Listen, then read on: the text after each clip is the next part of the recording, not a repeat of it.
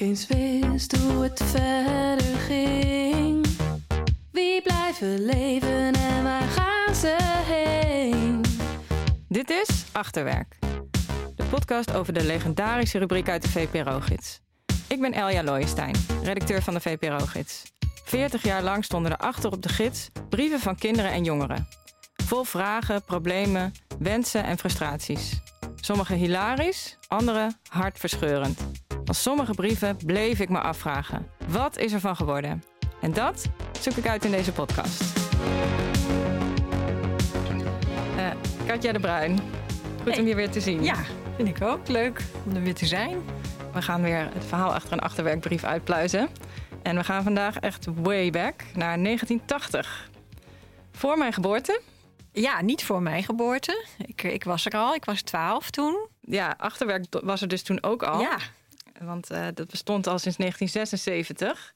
Dat is toen verzonnen door Nelke van der Drift, eh, de redacteur van de VPRO-gids van destijds. En ja, als je terugkijkt zie je wel dat het heel erg veranderd is in die tijd. Want toen stonden er echt veel grapjes op, moppen, fantasie, verhaaltjes. ik heb er zelf ook eh, op gestaan toen ik negen was. Ja. Met een verhaaltje. Waar ging het over, je verhaal? Het huis waarin alles kon vliegen, heette mijn verhaaltje. Ontzettend trots dat het erop stond. Jouw schrijftalent was toen al in de VPRO-gids. Ja, op een hele andere manier, maar inderdaad, ik was er vroeg bij. En deze brief die ik heb uitgekozen, die is wel een, meer een serieuze brief over iemand zijn persoonlijke omstandigheden. En daarom dacht ik wel van dit is een brief waar we meer over willen weten. Hij heet Balletacademie. Ik zal hem even voorlezen. Ik ben verhuisd naar Amsterdam, omdat Nel Roos Academie mij gevraagd had. Ik woonde al heel lang in Amersfoort, al van mijn eerste jaar. We hadden een eengezinswoning en nu zitten we in een klein flatje. Ik heb heel veel heimwee naar mijn vriendinnen. Als ik naar school ga, stik ik zowat in die grote stad Amsterdam. Ze zijn op mijn nieuwe school heel erg jaloers, omdat ik zo goed in gym ben. En dat allemaal om die balletacademie. Maar ik hou veel van ballet, dus ik blijf het doen. Drie uitroeptekens. Iboja Tries, tien jaar uit Amsterdam. En dan staat er nog onder Iboja, het is een Hongaarse naam. Mijn vader is een Hongaar. Ja, dit is ook echt zo'n typische achtwerkbrief waar we er wel meer van hebben gehad. Van kinderen die een ster wilden worden in iets. Of profvoetballer, of actrice, of zangeres. Ja, dat is natuurlijk 9 van de 10 keer gebeurt dat niet. Altijd leuk bij zo'n onderwerp dat je afvraagt... is zo'n meisje dan echt ballerina geworden? Of is dat niks geworden? Want volgens mij zijn die balletacademisch altijd super streng... en valt de helft weer af. Ja, de kans dat je je werk daarvan kan dat is maken. natuurlijk heel klein. En dat je dan als meisje van tien moet verhuizen om die droom na te jagen, die misschien helemaal niet uitkomt. Dat is al best een heftig, eh, heftig verhaal eigenlijk. Roept veel vragen op. Ja, nou, ik heb antwoorden. Mooi. Dit is het verhaal achter Balletacademie. Alles komt goed. Alles komt goed. Alles komt goed. Alles komt goed.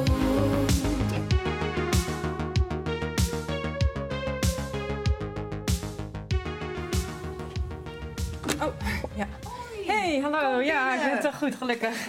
Hallo. Iborja, hi. Elja. hi. Hoe spreek je het nou uit met de klemtoon op de i? Ja, Oh, Iborja. Ja. Iboja. Ja, ja. Ja, klopt helemaal. Mijn naam is Iborja Tris, ik ben 52 jaar. Ik ben geboren in Amersfoort en inmiddels woon ik in Amsterdam. Mijn vader komt uit Hongarije. Dat staat ook heel leuk in dat achterwerk, wel grappig. En mijn vader deed ook een volksdans en zong altijd de hele dag. En mijn moeder die danste ook vroeger altijd. Dus daar komt ook een beetje zang- en dansgebeuren vandaan. Ja, dus dat was in jullie huis eigenlijk altijd al wel eh, aanwezig. Ja, en toen is mijn zus eigenlijk begonnen met eh, ballet. En uiteindelijk wilde mijn zus heel graag naar de balletacademie. Goed, zij ging auditie doen in Amsterdam. Dus mijn moeder had gebeld, kan ik mijn jongste dochter meenemen? Want anders, ik heb geen oppas. Eh, nou, dan is het beter als ze voor spek en even meedoet met de auditie... in plaats van dat ze aan de kant zit. Dus neem maar een balletpakje mee. En toen, ja, het is een beetje lullig... maar toen ben ik er tussenuit gepikt en niet mijn zus. Waarom denk je dat je er toen uit bent gehaald? Uh, ja, de, creativiteit. Dus dat ik echt helemaal in mijn fantasie met vrijdansen... Uh, bewoog ik waarschijnlijk op een bepaalde manier... dat zij heel expressief vonden. En ik had van die dunne lange beentjes, uh, mooie voetjes... En nou ja, dat was eigenlijk de start van de balletacademie. En toen begon eigenlijk de reis en uh, de brief van achterwerk. toen zijn we verhuisd naar Amsterdam. Ja, Amersfoort was allemaal frisse lucht. We gingen vaak naar het bos. En ik weet nog wel dat ik bij het Weteringscircuit uit moest stappen. En dan moest ik een stukje naar school lopen, uh, over de Vijzelstraat. En dan hield ik echt mijn adem in, omdat ik de, de gassen zo vies vond. Eerst was het alleen in het weekend, eerste jaar. En daarna was het echt gewoon zes keer in de week. En dan twee verschillende lessen op een dag van een uur en een kwartier, zoiets. Bijvoorbeeld karakterdans, pas de spitsen. Ja, die balletles had ik me helemaal niet voorgesteld. Twee handen aan één bar en dat ging zo langzaam.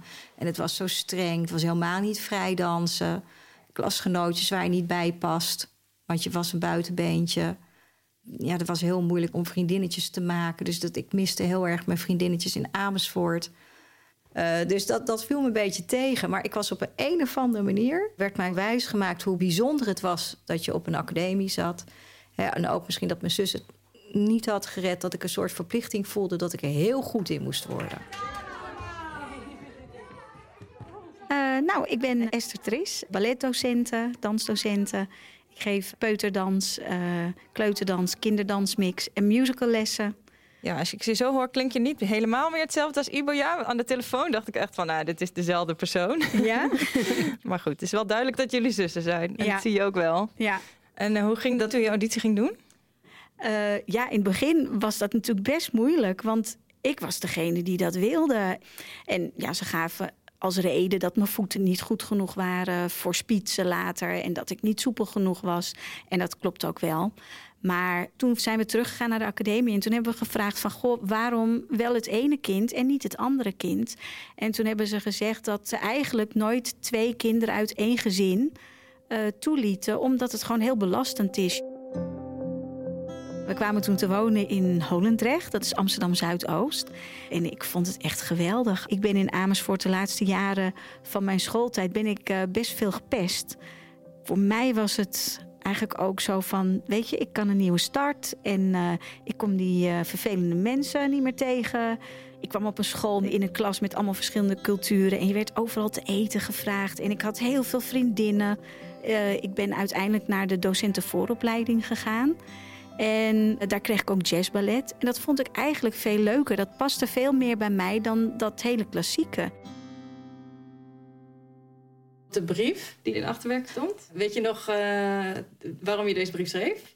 Ik denk dat ik gewoon verdrietig was dat ik mijn ei niet kwijt kon. Ook omdat ik bij mijn moeder mijn ei niet kwijt kon. Uh, er werd niet echt gesproken. Dus ik voelde me daar wel een beetje eenzaam in. Mm -hmm. uh, hadden veel mensen die brief gelezen?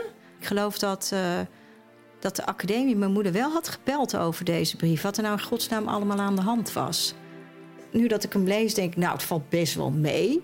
Ik dacht dat hij veel erger was. Van dat ik vind ballet helemaal niet leuk. Dat ik dat gezegd had eigenlijk. Ik was toch weer vergeten. Maar ze hebben er wel mijn moeder over gebeld, ja. Hm. Die had wel zoiets van, oh, daar is Ivo ja weer door de bocht.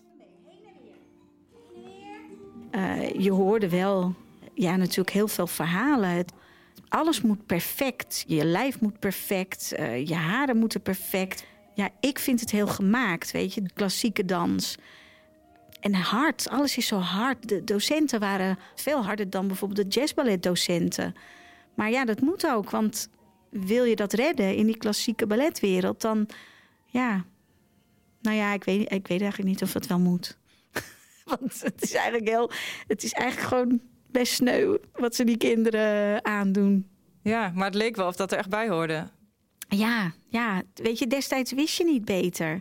Eigenlijk nu pas komen er verhalen van goh, hoe, hoe zwaar het eigenlijk was en hoe, hoe gemeen kinderen de docenten ervaarden. En er waren ook altijd lievelingetjes. Er waren altijd uh, kinderen die precies deden wat er moest. En sommige kinderen zijn wat eigenzinniger dan anderen. En Ibuya was ook een meer eigenzinnig kind. En gelukkig maar.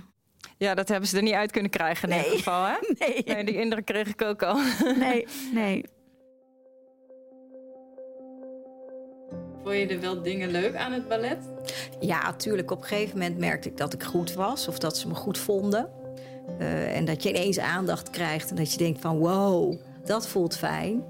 Oh, maar als ik mijn best doe, dan krijg ik nog meer aandacht. Als het hoofd van de school binnenkwam... joh, laat je arabeske zien. Wat is een arabeske? Dit is een been achtergelift. En ook was ik een streber. Ik wilde de beste zijn. kon altijd best wel lekker hoog springen. Dat gaf zo'n vrij gevoel. Dat stuiteren, het lyrische vond ik heel erg leuk. Ehm, en ik vond het heel erg leuk om heel schoon voetenwerk te hebben. Dus dat je heel mooi je voet doorstrekte en je knieën. Dus de technische kant vond ik een uitdaging. Dat het er in de spiegel nog mooier uitzag. Ik kan me voorstellen dat best veel mensen ook afvallen.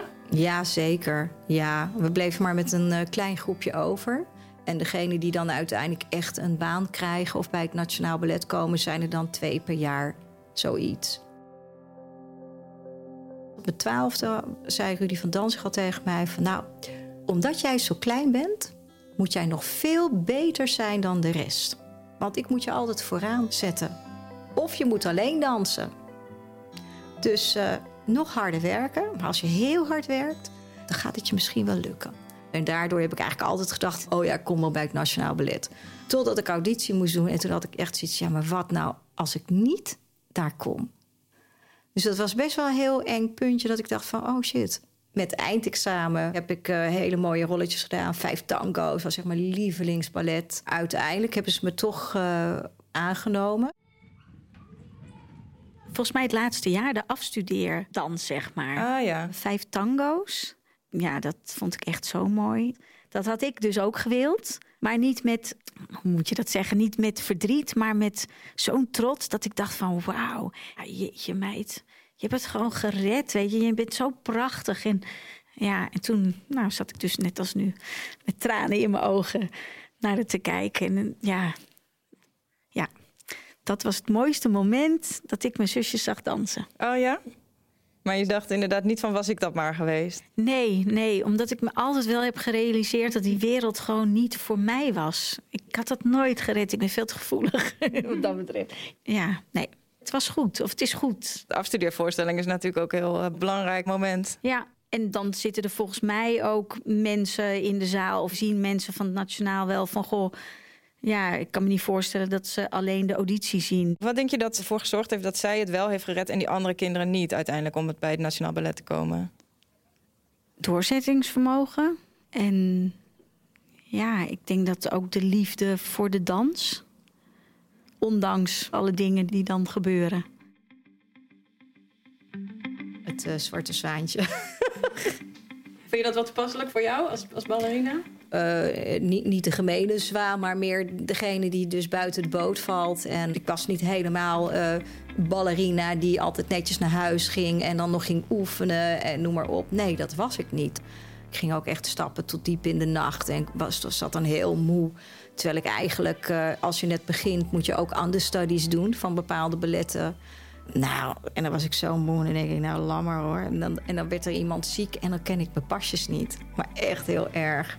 Dus ik heb echt heel veel kansen in het begin gekregen, maar ik heb er ook echt heel veel verknald.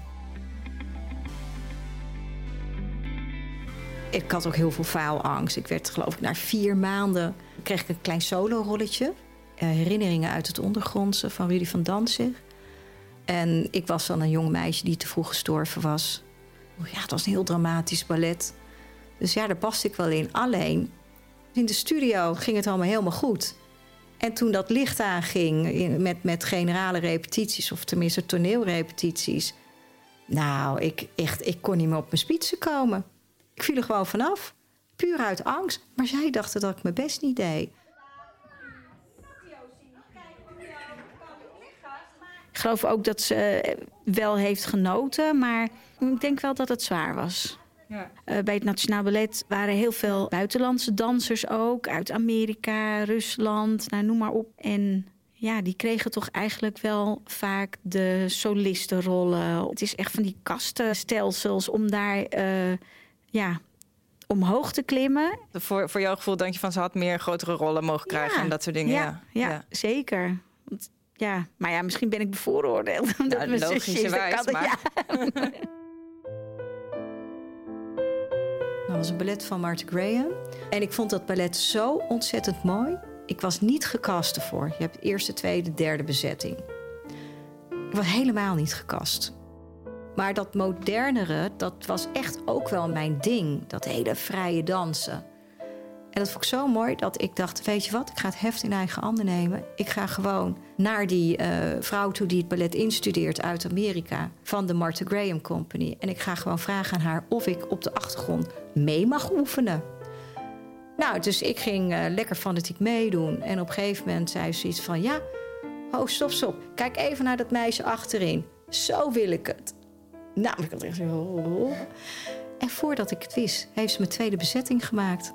En heb ik gewoon net zo vaak als de eerste bezetting... heb ik gewoon op toneel mogen staan in dat ballet. Je was de hele tijd aan het denken van... na tien jaar stop ik sowieso. Of ik had na vijf jaar had ik al besloten dat ik zou stoppen omdat de situatie gewoon niet oké was. Ik was gewoon niet gelukkig en ik zag niet zitten dat het ging veranderen. Um, ik ben op dit moment holistisch uh, personal trainer en leefstijlcoach. Uh, mijn passie dat ik echt iets kan betekenen in de wereld. Ja, dat is wat ik eigenlijk altijd wilde. Ja, ja. En uh, hoe kijk je nu op, op dit moment in je leven terug op dat meisje van tien die die brief uh, toen schreef? Ja. ja, waanzinnig eigenlijk. Hè? Dat ik inderdaad ook ballerine ben geworden. Ik vond mezelf altijd niet goed genoeg. Tweede keus. Eh, onzeker meisje. Maar op een of andere manier heb ik toch die kracht weten te pakken. Misschien juist wel die onzekerheid. Dat je dat je zo hard laat werken. Maar achteraf, ik ben er heel blij mee. Ik had hier nooit gestaan als ik dat niet had gehad. De plek die ze gevonden heeft in haar leven, hoe denk je daarover? Wat haar werk en... Uh... Ze doet wat ze leuk vindt, uh, maar ze is wel... Ze wil altijd weer verder, altijd... Nieuwe uitdagingen. Nieuwe uitdagingen, ja. Mm -hmm. En uh, waar ik eigenlijk al jaren gewoon lekker les geef. En uh, heb ik zoiets van, nou, ik vind het goed zo. Maar ik merk aan haar dat ze altijd een soort... Ja, ze is heel eager. Ze wil gewoon meer. Ze wil verder. Ze wil hoger. Ze wil... Ja, ja, ja. Dus dat is ook een beetje wat er echt in zit, blijkbaar. Ja, hè? ik denk het wel. Uh, er zitten natuurlijk heel veel kinderen op die academie. En maar een paar die kunnen uiteindelijk echt van uh, dansen hun beroep maken, toch? En hoe kijk je daar nu naar? Want jij bent natuurlijk nu docent. Nou ja, ik, ik kan alleen maar zeggen dat ik, dat ik nooit heb willen worden zoals vroeger die docenten waren. Ik wilde juist niet zo zijn. Hoe, hoe kan ik dat anders gaan doen? Hoe kan ik mijn lessen uh, eigenlijk een soort van feestje? Want het merendeel van de kinderen wil gewoon lekker dansen. Omdat ze hun gevoel kwijt willen. Omdat ze lekker willen bewegen. Omdat ze gewoon willen dartelen, willen rennen, willen vallen, willen springen. Willen, weet je, laat het maar lekker gaan een keer. Nou, Katja. Geweldig om te horen dat ze echt ballerina's geworden. Dat het gelukt is. En wat ik het allerbijzonderst vond, dat die zus niet jaloers was. Nou ja, ik vraag me af wie er uiteindelijk beter af was. Dat kun je inderdaad afvragen. Er zijn genoeg mensen die ervan dromen, maar of de realiteit nou echt zo geweldig is van het ballerina zijn. Als je na vijf jaar al zegt, ik kap ermee. Het lijkt mij eigenlijk een vreselijk leven. Zij heeft dat talent en daar is ze dus ook iets mee gaan doen natuurlijk. Nou ja, het bijzonderste is misschien nog dat het eigenlijk een kwestie van totaal toeval is. Ze ging eigenlijk niet eens auditie doen. En dan blijkt je en het talent te hebben en het juiste karakter om het zo ver te brengen. Dat is, ja, als je ouders dat graag willen. En je gaat ervoor verhuizen. Dus wat een druk op de schouders van een meisje van tien. Het is wel mooi dat zij degene is die het dan wel heeft ja, gered. zeker. Maar ze heeft er wel een hoge prijs voor moeten nou, betalen. Ja. Dat was zoals ze al schreef, hè? Ik blijf het doen. Uitroepteken, uitroepteken, uitroepteken. Ja. Waarin ik ik horen wil. Alles komt goed en daarna wordt het stil. We kijken morgen hoe het verder ging. Zoek je naam in de aftiteling. Dit was Achterwerk, een podcast van de VPRO-gids. Gemaakt door mij, Elja Looijenstein. Met research van Niels Hoebe, eindredactie door Rosa van Toledo en mixage door Sam Huisman. De meeste muziek is van Aafke Romein. Wil je meer weten? Ga dan naar vprogids.nl slash achterwerk. En wil je reageren of heb je ook een bijzonder verhaal over een achterwerkbrief? Mail dan naar achterwerk.vpro.nl alles komt komt goed,